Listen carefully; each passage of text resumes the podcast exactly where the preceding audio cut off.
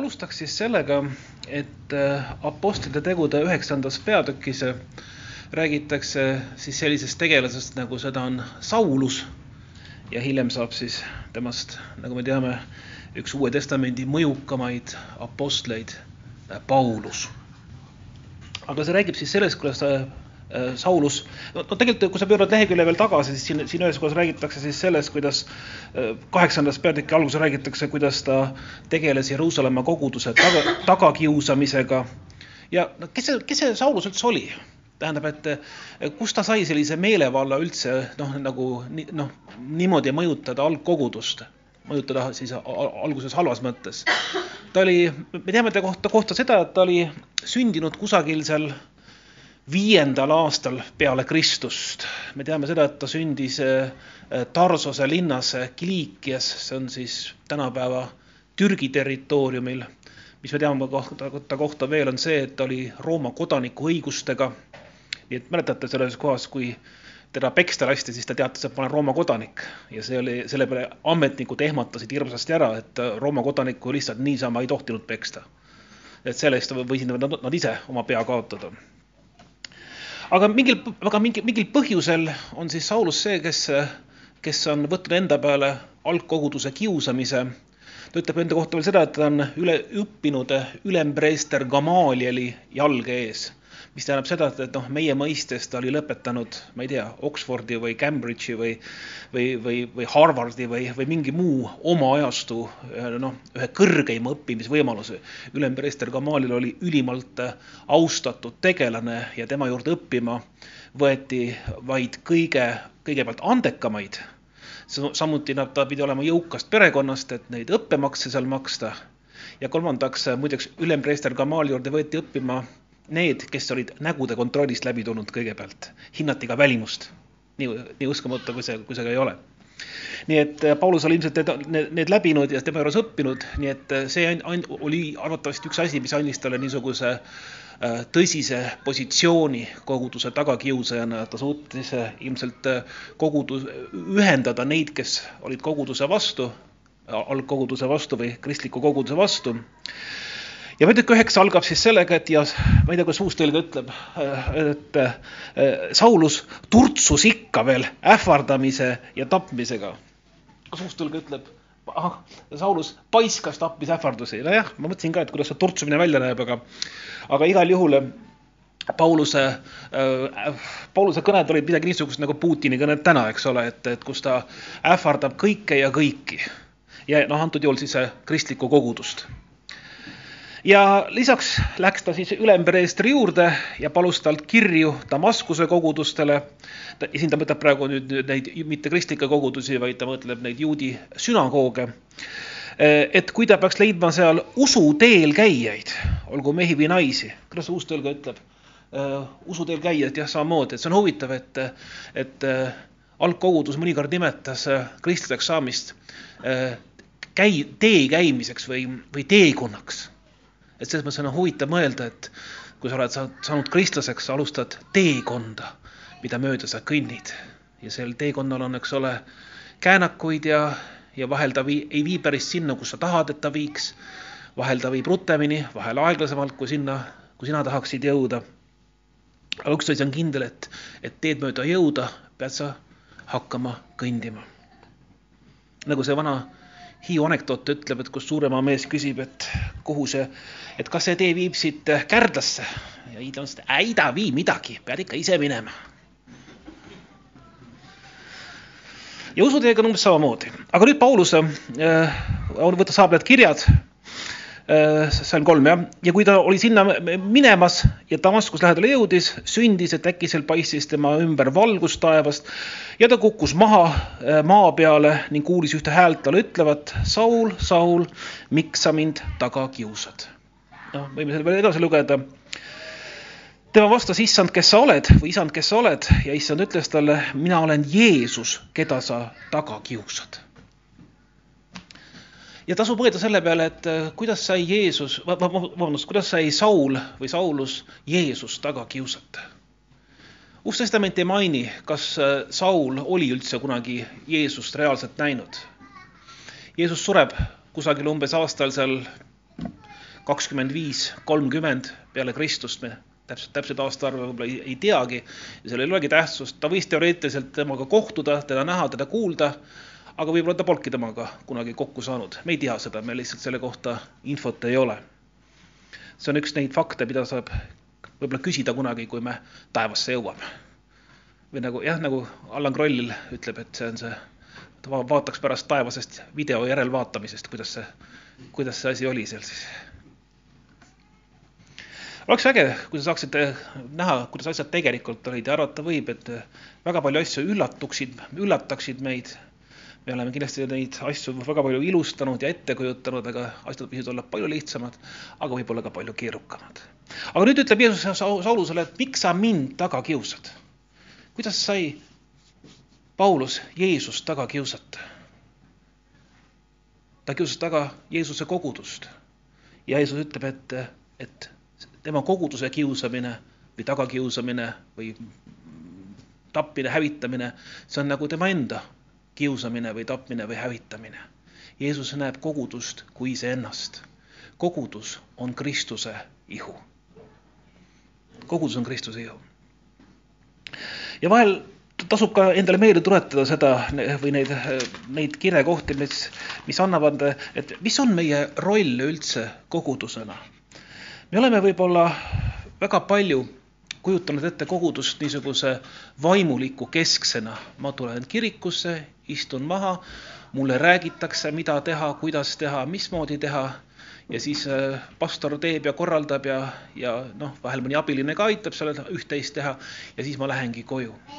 aga see ei ole niimoodi üldsegi tegelikult äh, nagu Marika siin just ka luges täna ju kirjakoha, on see, et, et meile kõikidele on antud teatud noh, see talent on niisugune tore, tore sõna, eks ole, et, et eesti keeles ta tähendab ka mingit oskust. algselt tähendas ta siis rahaühikut. aga me näeme, et meile on antud talendid väga erinevalt. ja noh, näiteks see, kellelt, kellele ühele anti kümme, teisele viis, ühele üks, see, kellele, kellele anti viis, issand ei heitnud talle ette, et tema kümmet ei toonud tagasi, vaid ta teenis vastavalt oma jõule viiele viis juurde ja sellele, kes teenis kümme juurde, ka ei heidnud jumal ette, et aga miks sa kakskümmend ei teeninud. vaid igalühel antakse tema jõude mööda ja ta heitis ette sellele, kellelt kõige vähem oodati, kes seda kõige vähematki ei teinud ära ja sellele olid, olid, olid, olid isandale etteheited, et miks sa noh, arvata võib, et, et issand ei oodanudki tema käest, et ta ühe, ühe talendiga teenib sada talenti, aga selle ühega sa oleks pidanud midagi ette võtma ja niimoodi on vist meil kõikidega see lugu, et, et me vajame või me, me, me vajame arusaamist, et me oleme Kristuse ihu ja kogudus ei ole see koht, eks ole, kus, kus me lihtsalt käime. kogudus ei ole see koht, kus peab, peab pühapäeviti käima, vaid kogudus on see koht, kus me saame oma talente äh, kasutada.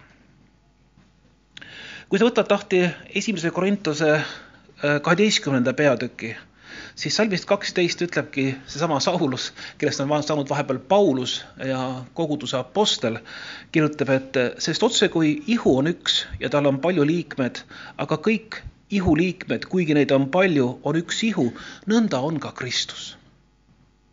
me oleme tema ihu ja me kõik täidame selles kõiges selles oma rolli. Ja, ja me ei tohi kunagi mõelda, et äh, ma lähen kogudusse ja vaatan, mis nad seal ka teevad või mis, mis nad mulle räägivad, vaid ma lähen kogudusse, sest ma olen osa sellest. ma olen Kristuse ihu, ma olen koguduse ihu. Ja iga ihu küljes, kõik, kõik asjad, mis on meie küljes äh, kõigil asjadel on oma koht ja roll, me, meil ei ole ühtegi organit meie sees, mis on seal lihtsalt sellepärast, et ta, ma ei tea peab seal, et ta seal on lihtsalt. vanasti ju räägiti, kuidas pime sool on täiesti ebavajalik, aga täna arstid ütlevad, et ka pime soolel on täiesti oma roll meie seedimise ja just selle, mis sõna ma otsin praegu, äh, mis aitab haigustega võidelda, mis sõna ma otsin? immuunsüsteemis on tal just täpselt äh, oma, omaette roll. see ei tähenda, et ilma temata hakkama me ei saaks, aga, aga, aga tal on oma, oma roll täitsa olemas ja noh, lõppkokkuvõttes ju, kui sa kaotad ühe sõrme, siis su elu läheb ikka edasi, sa saad hakkama ilma ühe selle sõrmeta. aga midagi on sul palju raskem teha. inimesed kohastuvad väga hästi, kui teil on midagi puudu ja ma usun, et me ka kogudusena saame alati hakkama, kui, kui, kui midagi juhtub või keegi on puudu. aga alati me saame palju paremini hakkama, kui iga kehaosa täidab oma rolli oma kohta ma nägin kunagi ühte videot lausa, kuidas üks Indias üks äh, käe kaot-, käed kaotanud mees, kellassepp, tegi varvastega, parandas kelli, kujutage ette, varvastega keeras kella ülesse ja, ja, ja, ja tal oli pintsetid varvaste vahel, millega ta neid hambusrattaid seal parandas ja inimene suudab kõiki imeasju ära teha, ära teha. Ja on ju kunstnikke, kes joonistavad pintsel hammaste vahel või, või varvaste vahel või mis iganes, eks ole. aga kui palju lihtsam või, või kui palju parem on sul teha, kui sul on see, see käsi olemas, millega seda teha.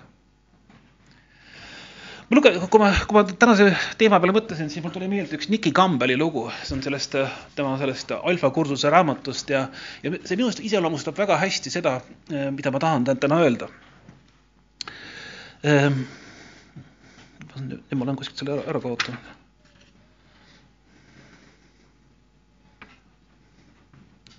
ma hakkasin seda, seda siin lappama juba. jah, nüüd leidsin. Ja, ja Niki Kamber ütleb siin niisuguse huvitava lõigu. iga kristlane on osa kogudusest. John Wimberi juurde, ma ei tea, kes on, keegi ei tea, kes John Wimber on? Janek äkki teab? aga John Wimberi juurde tuli kord üks tema koguduse liige, äkki ongi jah, jah, väga võimalik. kes oli, tuli koguduse liige, kes oli koha, kohanud kedagi väga hädalist abivajajat. Pärast pühapäevast jumalateenistust tuli see mees John Wimberile rääkima oma jõuetusest seda inimest aidata. see inimene vajab kohta, kus elada, ta vajab toitu, ta vajab abi, seni kuni ta oma elu uuesti korda saab ning töökoha leiab, rääkis ta. me tõesti ei tea, mida peale hakata ma püüdsin helistada koguduse kantseleisse, kuid keegi ei suutnud mind mõista ja nad ei saanud mind aidata.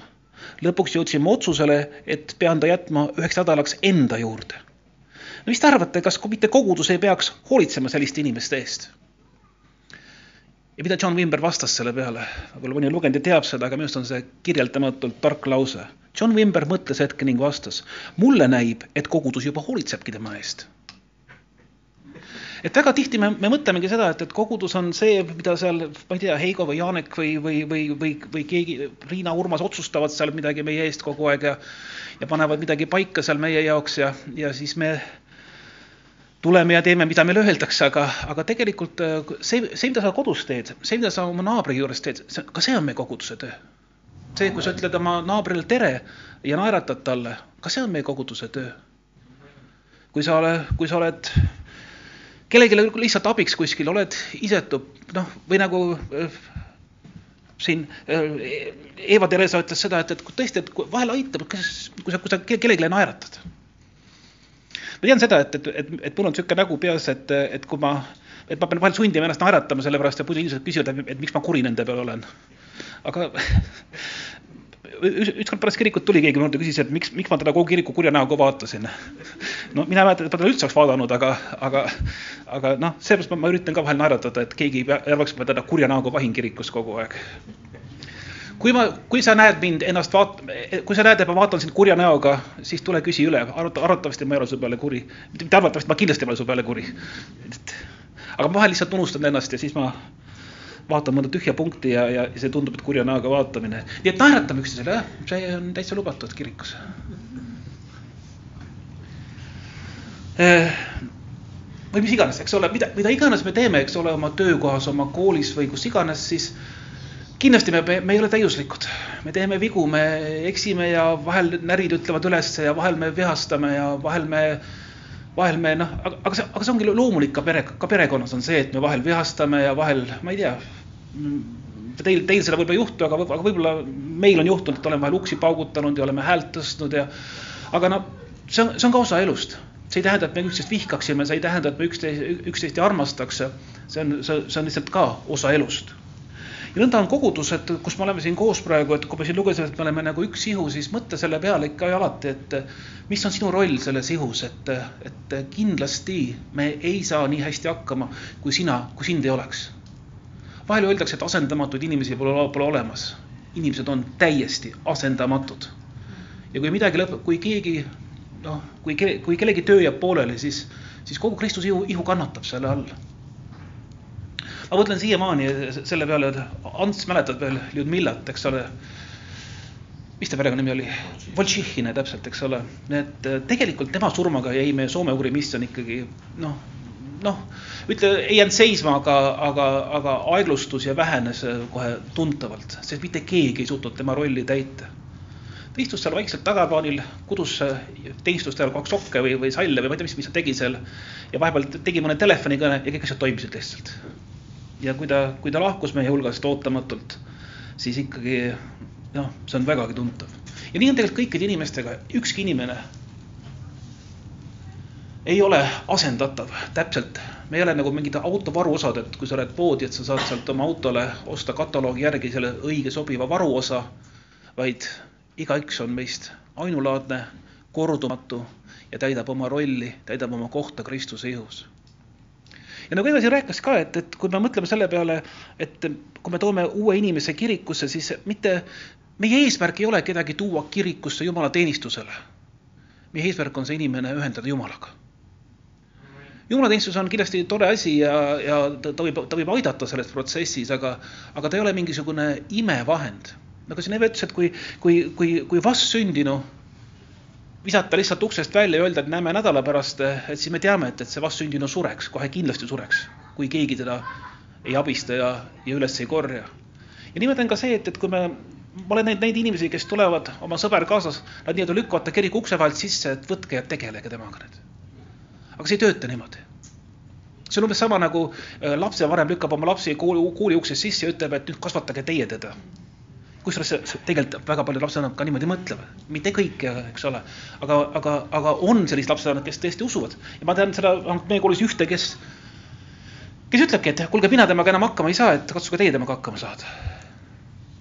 või veel hullem, meil oli koolis üks noh, väga tõsiste käitumishäiretega poiss kes siis lõpuks pärast pikka asjaajamist saadeti erikooli. ja erikool, sa saatsid ta meie tavakooli tagasi, et kuulge, meie ei saa temaga hakkama, tegelege temaga ise. Meie eriväljaõppega eripedagoogid, meie ei saa temaga hakkama, las tavakool tegeleb temaga siis. me elame ikka vahetevahel ikka täitsa kummalises maailmas. ja minusugune tulnukas ei vaja ära imestada, mismoodi need siin oma asjad, asjad käivad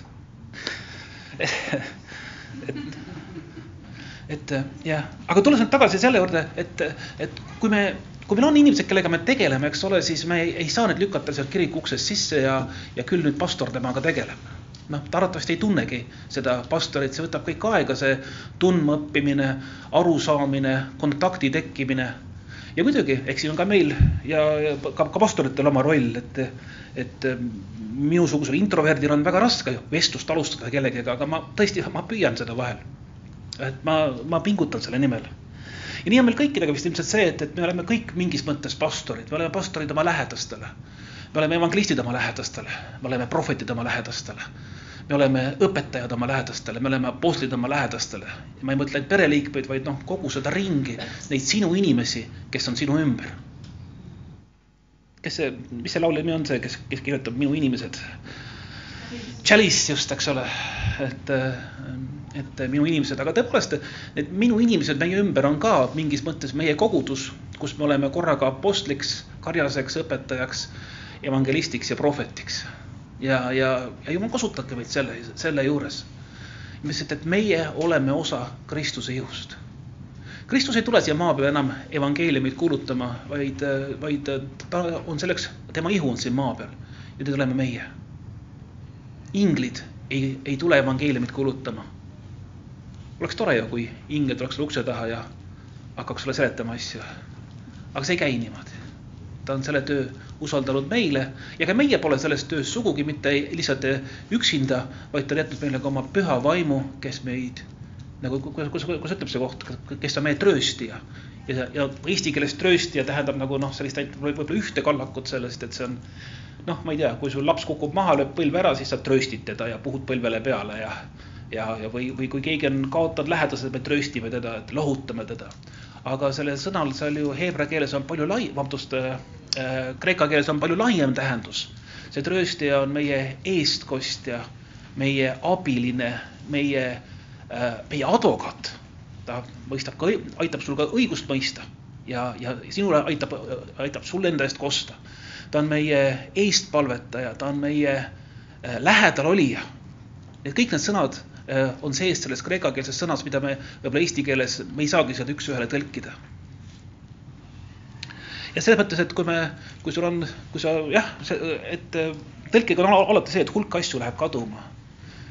see on nagu me alati armulaual räägime, et kui me mälestame Jeesust, siis see ei ole nagu kuskil peielaus, et kuulge, et nüüd mälestame lahkunud Juhanit ja lööme klaasid kokku tema mälestuseks, et see, see on, see ei ole see sõna.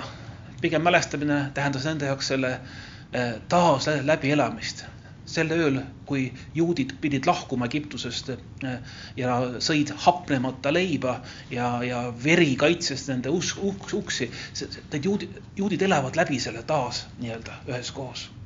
ja samamoodi ka meie, kui me oleme armulauas, me oleme tegelikult Jeesusega koos seal ülemises toas või siis Jeesus on siinsamas Raua kolmkümmend kaks meie, meie ruumis, meie keskel.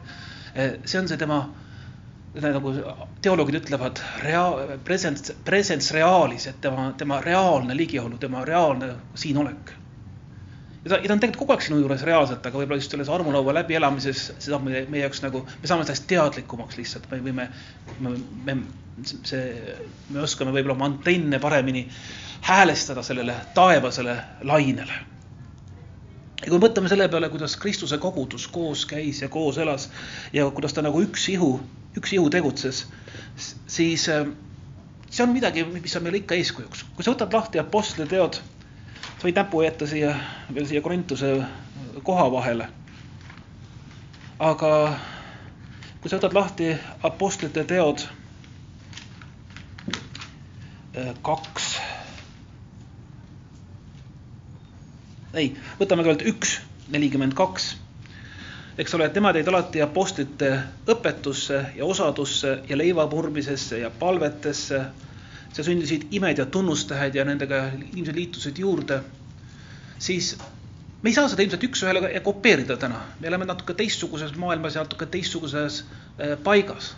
ma isegi ei tea, kas imed ja tunnustähed, et kas nad isegi on tänasele inimesele niisuguse signaalina, nagu nad olid tol ajal, äh, circa kaks tuhat aastat tagasi kui keegi sai terveks, oli, oli sellel ime. kui täna keegi saab terveks, siis me leiame, et meditsiin on oma töö ära teinud ja inimene on terveks saanud, see ei ole meie jaoks võib-olla see, see ime pole nii suur enam meie jaoks. pigem me peaks mõtlema, et mis on see, mis meie, mis meie tänast inimest tooks kogudusse või tooks Jumal, õigemini tooks, vabandust, tooks Jumala juurde. Mis on see, mida inimesed otsivad täna? ma julgen kahelda, et nad otsivad imesid ja tunnustähti, selles mõttes, et kindlasti on, neid, neid juhtub koguduses ja, ja neid sünnivad ja, ja ma, ma olen ise näinud, kuidas inimesed on saanud terveks, kes ei, ei tohtinud terveks saada meditsiiniliselt. aga võib-olla on veel midagi, mida inimesed täna otsivad. mida nad, mida nad otsivad, mis te ütlete? tõde võivad otsida, kuigi paljud ütlevad, et maailmas on palju tõdesid absoluutselt. hingerahu. jah. ja kõik see on õige, tõde, hoolimine, hingerahu. ja see ongi see, kas see on midagi, mida me oleme võimelised pakkuma? ma arvan ka, jah. me võib-olla ei peagi imesid tunnustähti nii, nii palju otsima, need, kui nad tulevad, on suurepärane. Aga kui me suudame inimesele pakkuda, kes tuleb uksest sisse, et keegi hoolib temast, keegi märkab teda keegi tunneb huvi, keegi julgeb ta, ta käest küsida. tere, et kas sa kohvi tahad? mida iganes, noh, et, et see on see, kust, kus, kus sa, kus, kus saab see suhe alguse juba. Ja see võib olla paljudel meie jaoks, meie jaoks hirmutav. minu jaoks see on, noh, inimesed on väga erinevad, on neid, kes kardavad eh, kõneleda siit puldist, aga üks-ühele räägivad, minul on vastupidi täpselt, ma võin rääkida tuhande inimesega puldist, aga üks-ühele vestlust alustada palju raskem minu jaoks. nii kummaline, kui see ka ei ole aga me oleme erinevad, jumal kasutab meid täiesti erinevate, erinevates kohtades, erinevates asjades. ja apostlite, apostlite tegude alguses me näeme selle kogudust, kes on koos ja nad pakuvad seda, mida see ühiskond otsib. Nad pakuvad imesid ja tunnustähti ja kes uskusid, olid kõik üheskoos. no me täna ei pea ju tingimata kokku kogu, kolima kõik ühte, ühte suurde majja. see oleks pigem isegi võib-olla, ma ei tea, sektantlik natukene sellepärast, et me, me elame teistsuguses maailmas, aga me saame neid samu printsiipe kasutada. me olemegi koos, mis siis, et me elame, elame eraldi majades. Me toetame kogudust rahaliselt, me, me ei, me ei pea enam oma maja maha müüma ja seda koguduse tooma, me saame hakkama, aga ikkagi, me toetame kümnise ja ohvriniga kogudust ja, ja tõesti, meil on hästi läinud. vaadake kogu seda tehnikaparki, mis meil siia on, on kogunenud. kaks aastat tagasi ma oskasin veel pulti reguleerida, nüüd on seal laud nii palju karp, karbikesi täis seal, et ma ei oska seal midagi enam peale hakata seal. mina arvan, et pooled, pooled karbid on lihtsalt ilu pärast Urmas pannud sinna, et vilguvad seal lihtsalt ja. kuulad, siis sa saad aru, et laste häält on vähem kuulda kodus ja nii edasi. jah nagu need kaheksakümnendate Star Warsid ja muud kosmoseviidid olid, kus kogu pult vilkus ja vilku, tuleb vilkus seal igal, igal pool ja kellelgi polnud aimugi, miks need tuled seal vilguvad ja põlevad. aga jah, me tänu, tänu jumalale, et me tõesti, meie tehnikapark on meeletult kasvanud ja arenenud, et et nagu ma ütlesin, et oleks keegi öelnud mulle kolm aastat tagasi, et ostame kogudusse prožektori, siis ma oleks öelnud, et lolliks läinud või milleks eks ole, aga loomulikult pole meie koguduse eesmärk muutuda väga professionaalseks telestuudioks, eks ole, vaid me tahame lihtsalt seda võimalust pakkuda nendele, kes on kodudes või nendele, kes ei taha tulla või nendele, kes ei julge tulla. et jälgida seda, mis me koguduses teeme. ja noh, võib-olla natuke on selle, siin salata, natuke on ka reklaami element selle juures, eks ole, et, et me ikkagi tahaksime, et inimesed meid leiaksid. me oleme aastaid olnud nagu see A-tiim, mäletad, kes, kes, kes on noore, kes on noored, ei tea seda filmi, aga, aga kes on niisugused vanad dinosaurused mäletavad seda A-tiimi filmi, siis hakkab seal alati, alati selle, selle lausega peale, et if you can find them. Then maybe you can hire A-team, et kui sa neid suudad leida, siis võib-olla saad sa omale palgata A-tiimi, et oleme kogu sama suured, kui sa suudad meid leida, siis jah. Aga nüüd, nüüd tänu kõigile Youtube'i ülekannetele, podcast'i, podcast'idele kus me veel oleme, jumal teab, kus me kõik veel välja paistame, et, et ma usun, et oleme ka meie natuke leitavamad kui A-tiim oli või A-meeskond oli. sest meie, meie eesmärk ongi pakkuda inimestele seda, mida nad otsivad, nagu me siin nimetasime, kõik neid asju, hingerahu, soojust, kuulumist. ja see kõik, selles kõigis on meil, on meil oma roll olemas, kus me saame seda pakkuda Äh, nad jagasid omandi vara ära, andsid kõigile, kuidas, kuidas vajadust oli, sest et sellel oli väga lihtne põhjus. kui sa said kristlaseks, sind heideti juudi ühiskonnast põhimõtteliselt välja. isegi sinu perekonnad võisid sinust lahti ütelda. Jeesus, Jeesus ütles ka seda, et ma olen tulnud mõõka tooma, et ei olegi niisama lihtne see, et, et, et ei ole see, et, et sa oled kristlaseks ja sa oled kohe kõige populaarsem poiss tänaval. pigem vastupidi. ja juudi ühiskonnas oligi lausa see, et ei olnud võimalik olla salaja kristlane, sellepärast et ristimised, mida tehti jões, olid avalikud ja see oli teada, kui keegi sai kristlaseks, et, et temaga on nüüd siin ühiskonnas lõpp või perekonnas lõpp. kui ta oli veel noor, ta võis pärandist ilma jääda, kui ta oli vanem, eh, temaga lihtsalt ei suheldud enam.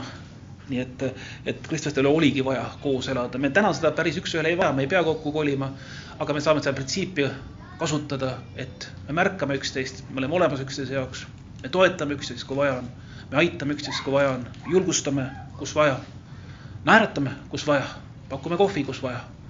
Või mida iganes, eks ole. et see on üks, see on üks, üks neid viise, mida, kuidas me saame liikuda selles algkoguduse printsiipides edasi. veel üks, veel üks koht on ähm, Apostlite teod neli, kolmkümmend kaks ja see on ka võib-olla niisugune äh, võtmesõna. ja usklike hulk oli üks süda ja üks hing. Nad ei olnud, nii nagu sinu kehaliikmed ei võistle omavahel. kes meist on kõige tähtsam?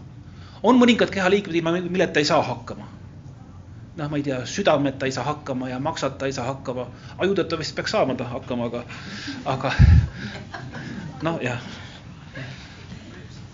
aga tegelikult eh, noh, nagu siin ka Paulus ütleb, ütleb seesamas äh, Korintuse kirjas kaheteistkümnes peatükis, et käsi ei saa öelda jalale, et ma olen tähtsam kui sina. või maks ei saa öelda südamele, et ma olen tähtsam kui sina või vähem tähtsam kui sina. ja võib-olla vahepeal on ka selline, millegipärast selline komme, et, et me nagu mõtlemegi seda, et oh, et mis nüüd mina, et näe, vot see vend seal on käsi ja see vend seal on süda ja see vend on seal mis iganes, eks ole, aga mina olen siin kõigest vasaku jala kolmas varvas. kui sa lööd vasaku jala kolmanda varba vastu kivi, mis sa teed temaga? sa haarad ta pihku ja, ja, ja masseerid teda ja lohutad teda ja, ja puhud talle peale, sest et kui sul, kui sul väiksel varbal on valus, on kogu kehal valus. pluss veel see, et, et kui sa peaksid kaotama oma sellesama väikse varba, põhimõtteliselt pead õppima uuesti kõndima on mägironijaid, kes on oma varbad ära külmetanud mäge, mägedes ja noh, ta on, ta on öelnud, et see on täiesti uus protsess õppida ilma varvasteta kõndima. et äh, need varbad on sulle kindlasti väga suureks abiks kõndimisel, nii et ka see vasaku jala keskmine varvas ei saa öelda, et ta on täiesti ebaoluline siin ihus. rääkimata kõikidest muudest organitest, mida me isegi ei näe üldse. tihtipeale me ei näe palvejõudu. me näeme ainult inimest, kes lihtsalt räägib midagi, palvetab midagi. aga nii nagu me samamoodi me ei näe, me ei näe, ma ei tea, oma maksade või neeru, neerutööd. ei märkagi, noh, arva, arvatavasti sa pole oma makse näinud. kas keegi on näinud oma makse? jah, aga see, et sa oled elus täna siin, tähendab, et seda, et ta sul toimib täitsa. just ja, ja samas, eks ole, kui, tõesti kui häda korral me saame hakkama ilma selle varbata, aga me näeme seda varbast, siis makse me pole kunagi näinudki, aga ilma temata me ei saaks üldse hakkama. me paneme omale sõrmused sõrme ilma sõrmeta me saame hakkama. aga ma ei tea, kas me ei ütle üksteisele, et ilus maks sul täna. ilusad kopsud sul täna.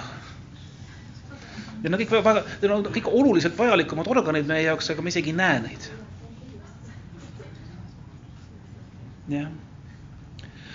usklike hulk oli kui üks süda ja üks hing ning ükski ei ütelnud oma paranduse kohta, et see on tema, vaid kõik oli neil ühine jällegi me ei, me ei pea seda nüüd täna looma ühte ühist pangakontot, kuhu me kõik oma palgad laseme üle kanda, vaid pigem on see, et, et me märkame seda, et, et kus on vajadus, me saame seal toetada, me saame aidata, me saame, me saame olla üksteisele abiks, kui üks hing ja kui, ja kui üks süda. Tähendab ka seda, et, et kui üks hing üks süda on ka see, et, et nagu ma siin eelmine kord rääkisin, et, et me peame ka valvama seda, et, et me ei hakkaks omavahel võistlema. kes meist on tähtsam, kes meist on püham, kes meist on mis iganes. tegelikult äh, me näeme seda ju ka, kus Jumal on meie, kuidas Jumal tegutseb meie keskel. ja me tunnustame seda. me, me, me näeme inimesi, keda Jumal eriliselt kasutab ja kes eriliselt on sellega kaasa, et me tunnustame seda kindlasti. aga Jumal kasutab igat ühte meist. Sa ei saa siin kirikus käia niimoodi, et Jumal sind ei kasutaks. noh, vahel kasutab Jumal meid täiesti nagu ootamatutel viisidel, et me isegi võib-olla ei, ei, teagi seda võib-olla me teeme oma tööasju ja võib-olla see hoopistükkis on kellelegi hoopis evangeeliumi sõnum. ma mäletan, kuidas, noh, see nüüd võib-olla täiesti, hüpe täiesti teise teemasse korraks, aga kas keegi on, kes on, keegi on lugenud Mihhail Bulgakovi äh, Meister ja Margarita? Kolm inimest taevast, neli, okei okay. äh, no ütleme niimoodi, et see ei ole mingi puhas evangeelium aga ühes kristlikus foorumis selle üle siis lõpuks arutati pikalt-laialt, et mõni, mõni oli, ütles, et täiesti, täitsa vale, täitsa jama, teine ütleb, et noh, et seal ikkagi ju noh, räägitakse kristlikest printsiipidest. aga nagu lõpuks tõdemus oligi see, et aga oma kummalisel moel toob ka see inimesi Jumala juurde. omal kummalisel viisil.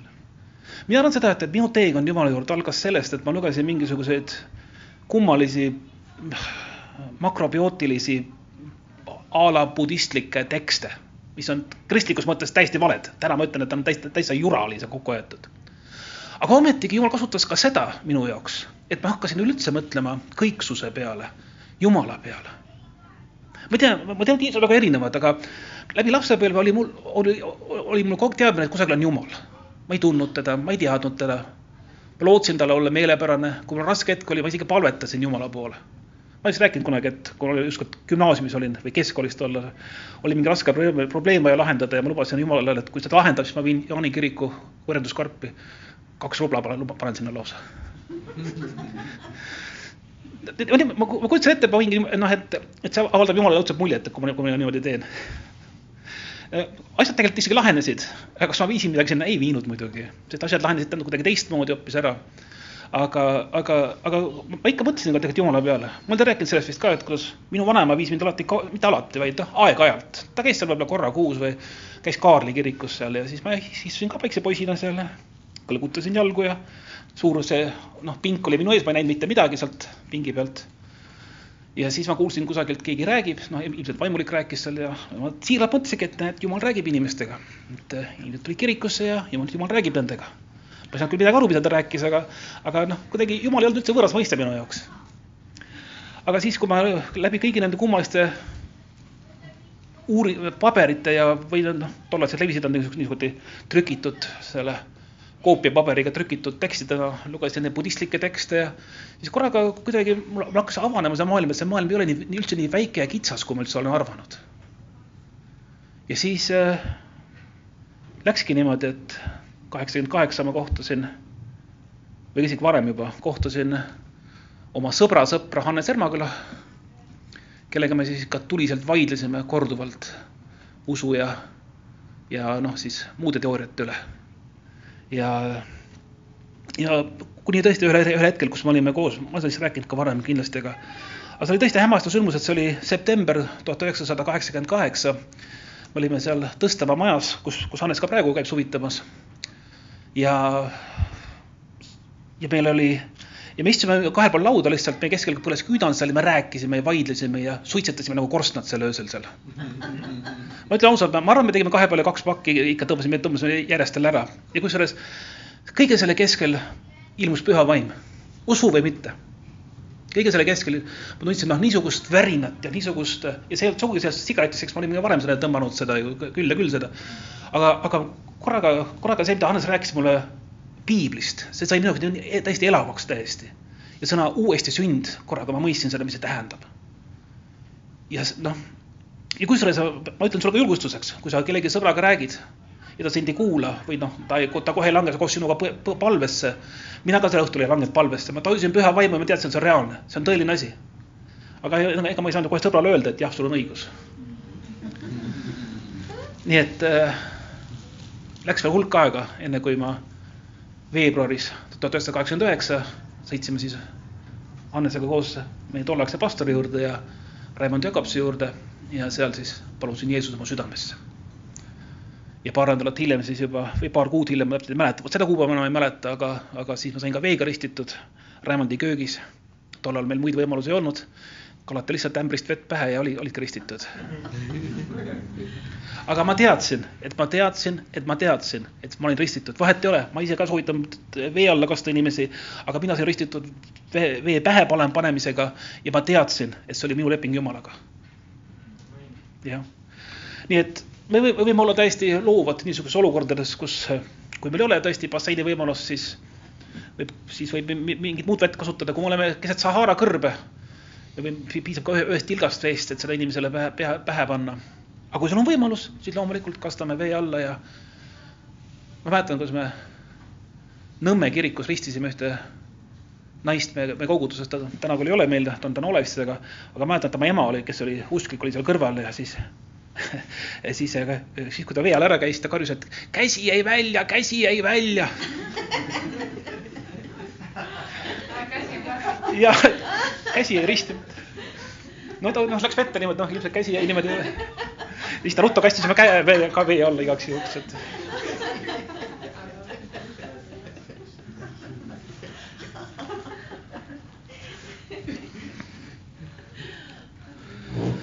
nii et ja apostlid tulistasid suure väega issanda Jeesuse ülestõusmist, suur arm oli nende kõikide juures, ei olnud ka ühtegi vaest nende seast sest kellel olid põllud ja majad, need müüsid need, need apostlite jalga ette ja igaühele jagati siis sedamööda, kuidas ta vajas.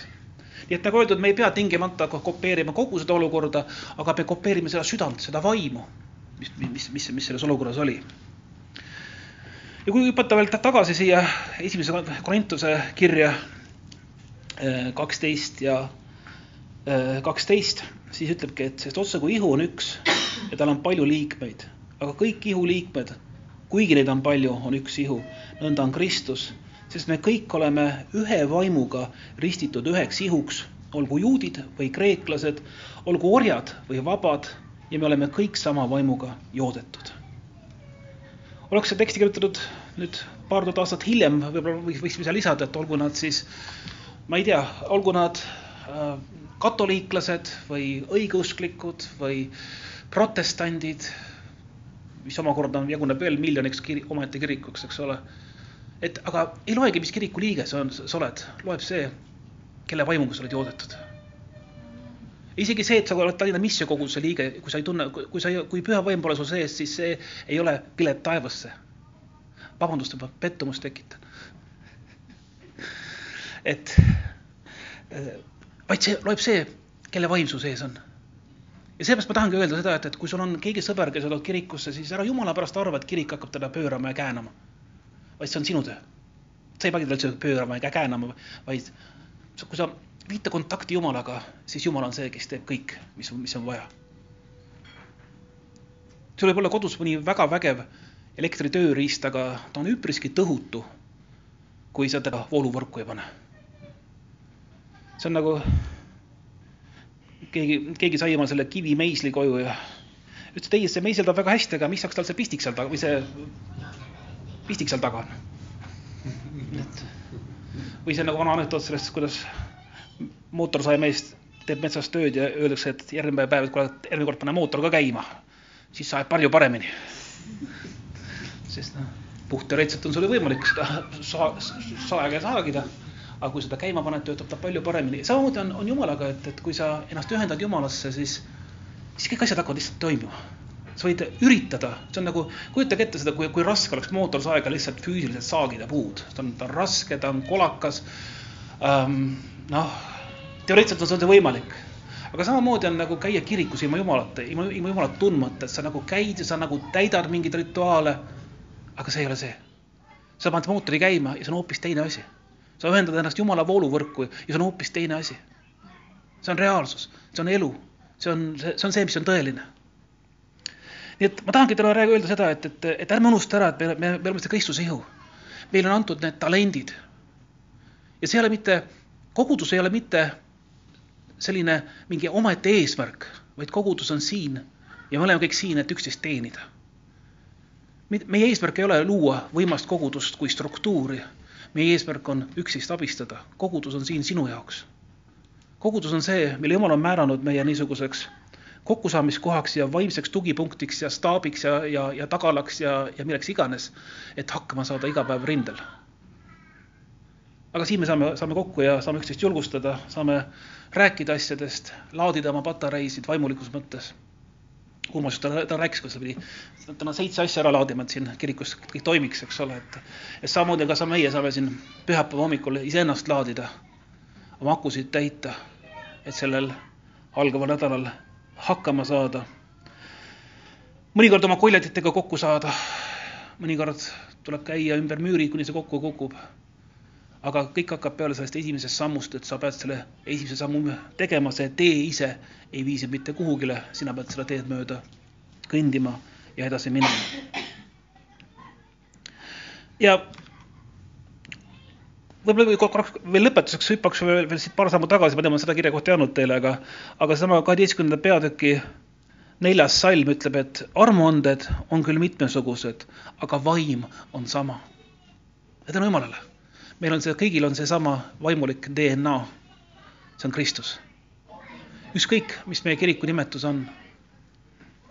üks meie kunagine ammune liige kirjutas mulle, et tal on kurb uudis, et ta peab, et ta lahkub meie juurest, et ta läheb olevistesse. mina ütlesin, see on ju hea uudis, et jumal õnnistagu sind, et jumala eest, et inimene on aastakümneid olnud jumalast eemal, siis ja mul oli, mul oli nii hea meel. ta oli aastaid tõesti jumalast eemale jäänud aga nüüd on ta jälle Jumala juures ja, ja läheb edasi olevistes, nii et tänu Jumalale. vaim on seesama ja ametid on mitmesugused, aga issand on seesama. ja ükskõik, kujutage ette, täna on pühapäevane päev, no juba kusagilt äh, ida poolt seal juba on kirikud juba vist on juba lõpetavad teenistusi, kusagil Ameerikas alles inimesed magavad ja alustavad oma jumalateenistusi, aga see vaim on seesama. ja uskumatu küll, aga seesama Jumal kuuleb meid kõiki samaaegselt nagu, nagu ütleb C.S. Lewis, et jumalal on miljon aastat aega, et kuulata näiteks vastu mäge puruneva piloodi murdosa sekundi palvet.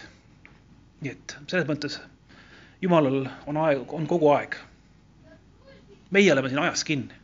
ma ei tea, kas, kas, kas, kas te vaatate telekat vahel ka, mõni, mõni äkki vaatab veel aga äh, praegu jookseb see Back to the Future film ähm, kaheksakümnendate veel. tegelikult, tegelikult on väga andekalt tehtud film just nimelt äh, ajarändamise paradoksidest ja ajarändamise jamadest. Õnneks või õnnetuseks me praegu ajas rännata ei suuda. me oleme aja küljes kinni, aga kord tuleb päev, kus igavikus olles me ei ole seotud enam aja ega ruumiga, me oleme vabad sellest. ja ma ei kujuta ettegi seda tunnet, mis see, mis see, mis see võib olla. kui, kui, kui sa oled vaba ajast ja ruumist. Jeesus oli vaba, mäletate, neil see nelikümmend päeva, mis ta veel ilmus oma jüngritele, ta ilmus läbi seinte, ta võis, ühesõnaga ruum ei takistanud teda enam ja aeg ei takistanud teda. see on, see on ka meie tulevik. ja kus me ütlesimegi välja ja väeavaldused on mitmesugused, ehk siis see, kuidas Jumal meid, meid kasutab, see, mis meie kaudu sünnib, see, mis meiega, see, see, kuidas või mida me teeme või muudame siin maailmas. see on, see on väga erinevad, need on mitmesugused. Aga sama on Jumal, kes teeb kõike kõikide sees. tänu Jumalale, et kui siin öeldakse, et on palju tõdesid maailmas, siis tegelikult me kristlastena teame, et on üks tõde. iseasi on see, kui lähedal me sellele tõele oleme, kui lähedale me jõuame selle tõeni ja arvata võib, et siin maa peal piiratuna, nagu me oleme, me ei jõuagi sellele täiesti lähedale. nagu ma olen siin rääkinud, et me näeme kõike läbi moonutatud peegli. see on nagu, me oleme rääkinud, et antiik, antiikaja peeglid olid lihtsalt lehvitud metallitükid, mis peegeldasid väga tuhmilt tagasi seda, mis seal näidata, mis sealt, mis sealt näha oli. nõnda ka meie, noh me oleme võib-olla umbes samas olukorras, kui me, kui sa lähed metsa ja vaatad sepelgapesa seal siis sa näed, mida nad seal teevad ja sebivad. Aga kuidas sepelgas sind tajub, ma ei, ma ei kujuta ettegi, ilmselt, ilmselt niimoodi, ilmselt niisama udune on ka meie Jumala tajumine. Õnneks on meile antud Jumala sõna, mis seda natukene seletab ja, ja, ja, ja aitab meid jõuda igavesse ellu. piiblist võib, piiblist võib, võib muidugi otsida kõike, aga Jumala sõna on kirjutatud eelkõige selleks, et selgitada inimese suhet Jumalaga mõni otsib siit ufosid ja mõni otsib siit äh, vastuolusid, seda kõike on siit võimalik leida, aga tema eesmärk on see, et, et aidata inimest Jumala juurde. nii et tänu Jumalale, et me oleme kogudusena, me oleme siin üks vaim ja üks ihu, meil on üks Jumal, meil on üks ristimine ja me kõik oleme erinevad. kui sa vaatad oma naabrit praegu hästi hoolega, sa leiad mitu erinevust enda, endaga võrreldes äh, ja tänu Jumalale, et me olemegi erinevad, sest et meil on kõikidel on erinev kutse, erinev ülesanne Kristuse ihus. ja need inimesed, kes on, kes on sinu inimesed, kes on sinu ümber, sina oled nende jaoks kõike. Apostel, pastor, prohvet, evangelist, õpetaja, mis mul nimetamata jäi. võib-olla ei jäänudki midagi nimetama. nii et, et märka neid ja, ja tegele nendega. kogudus on siin, et sind selles abistada ja toetada. amin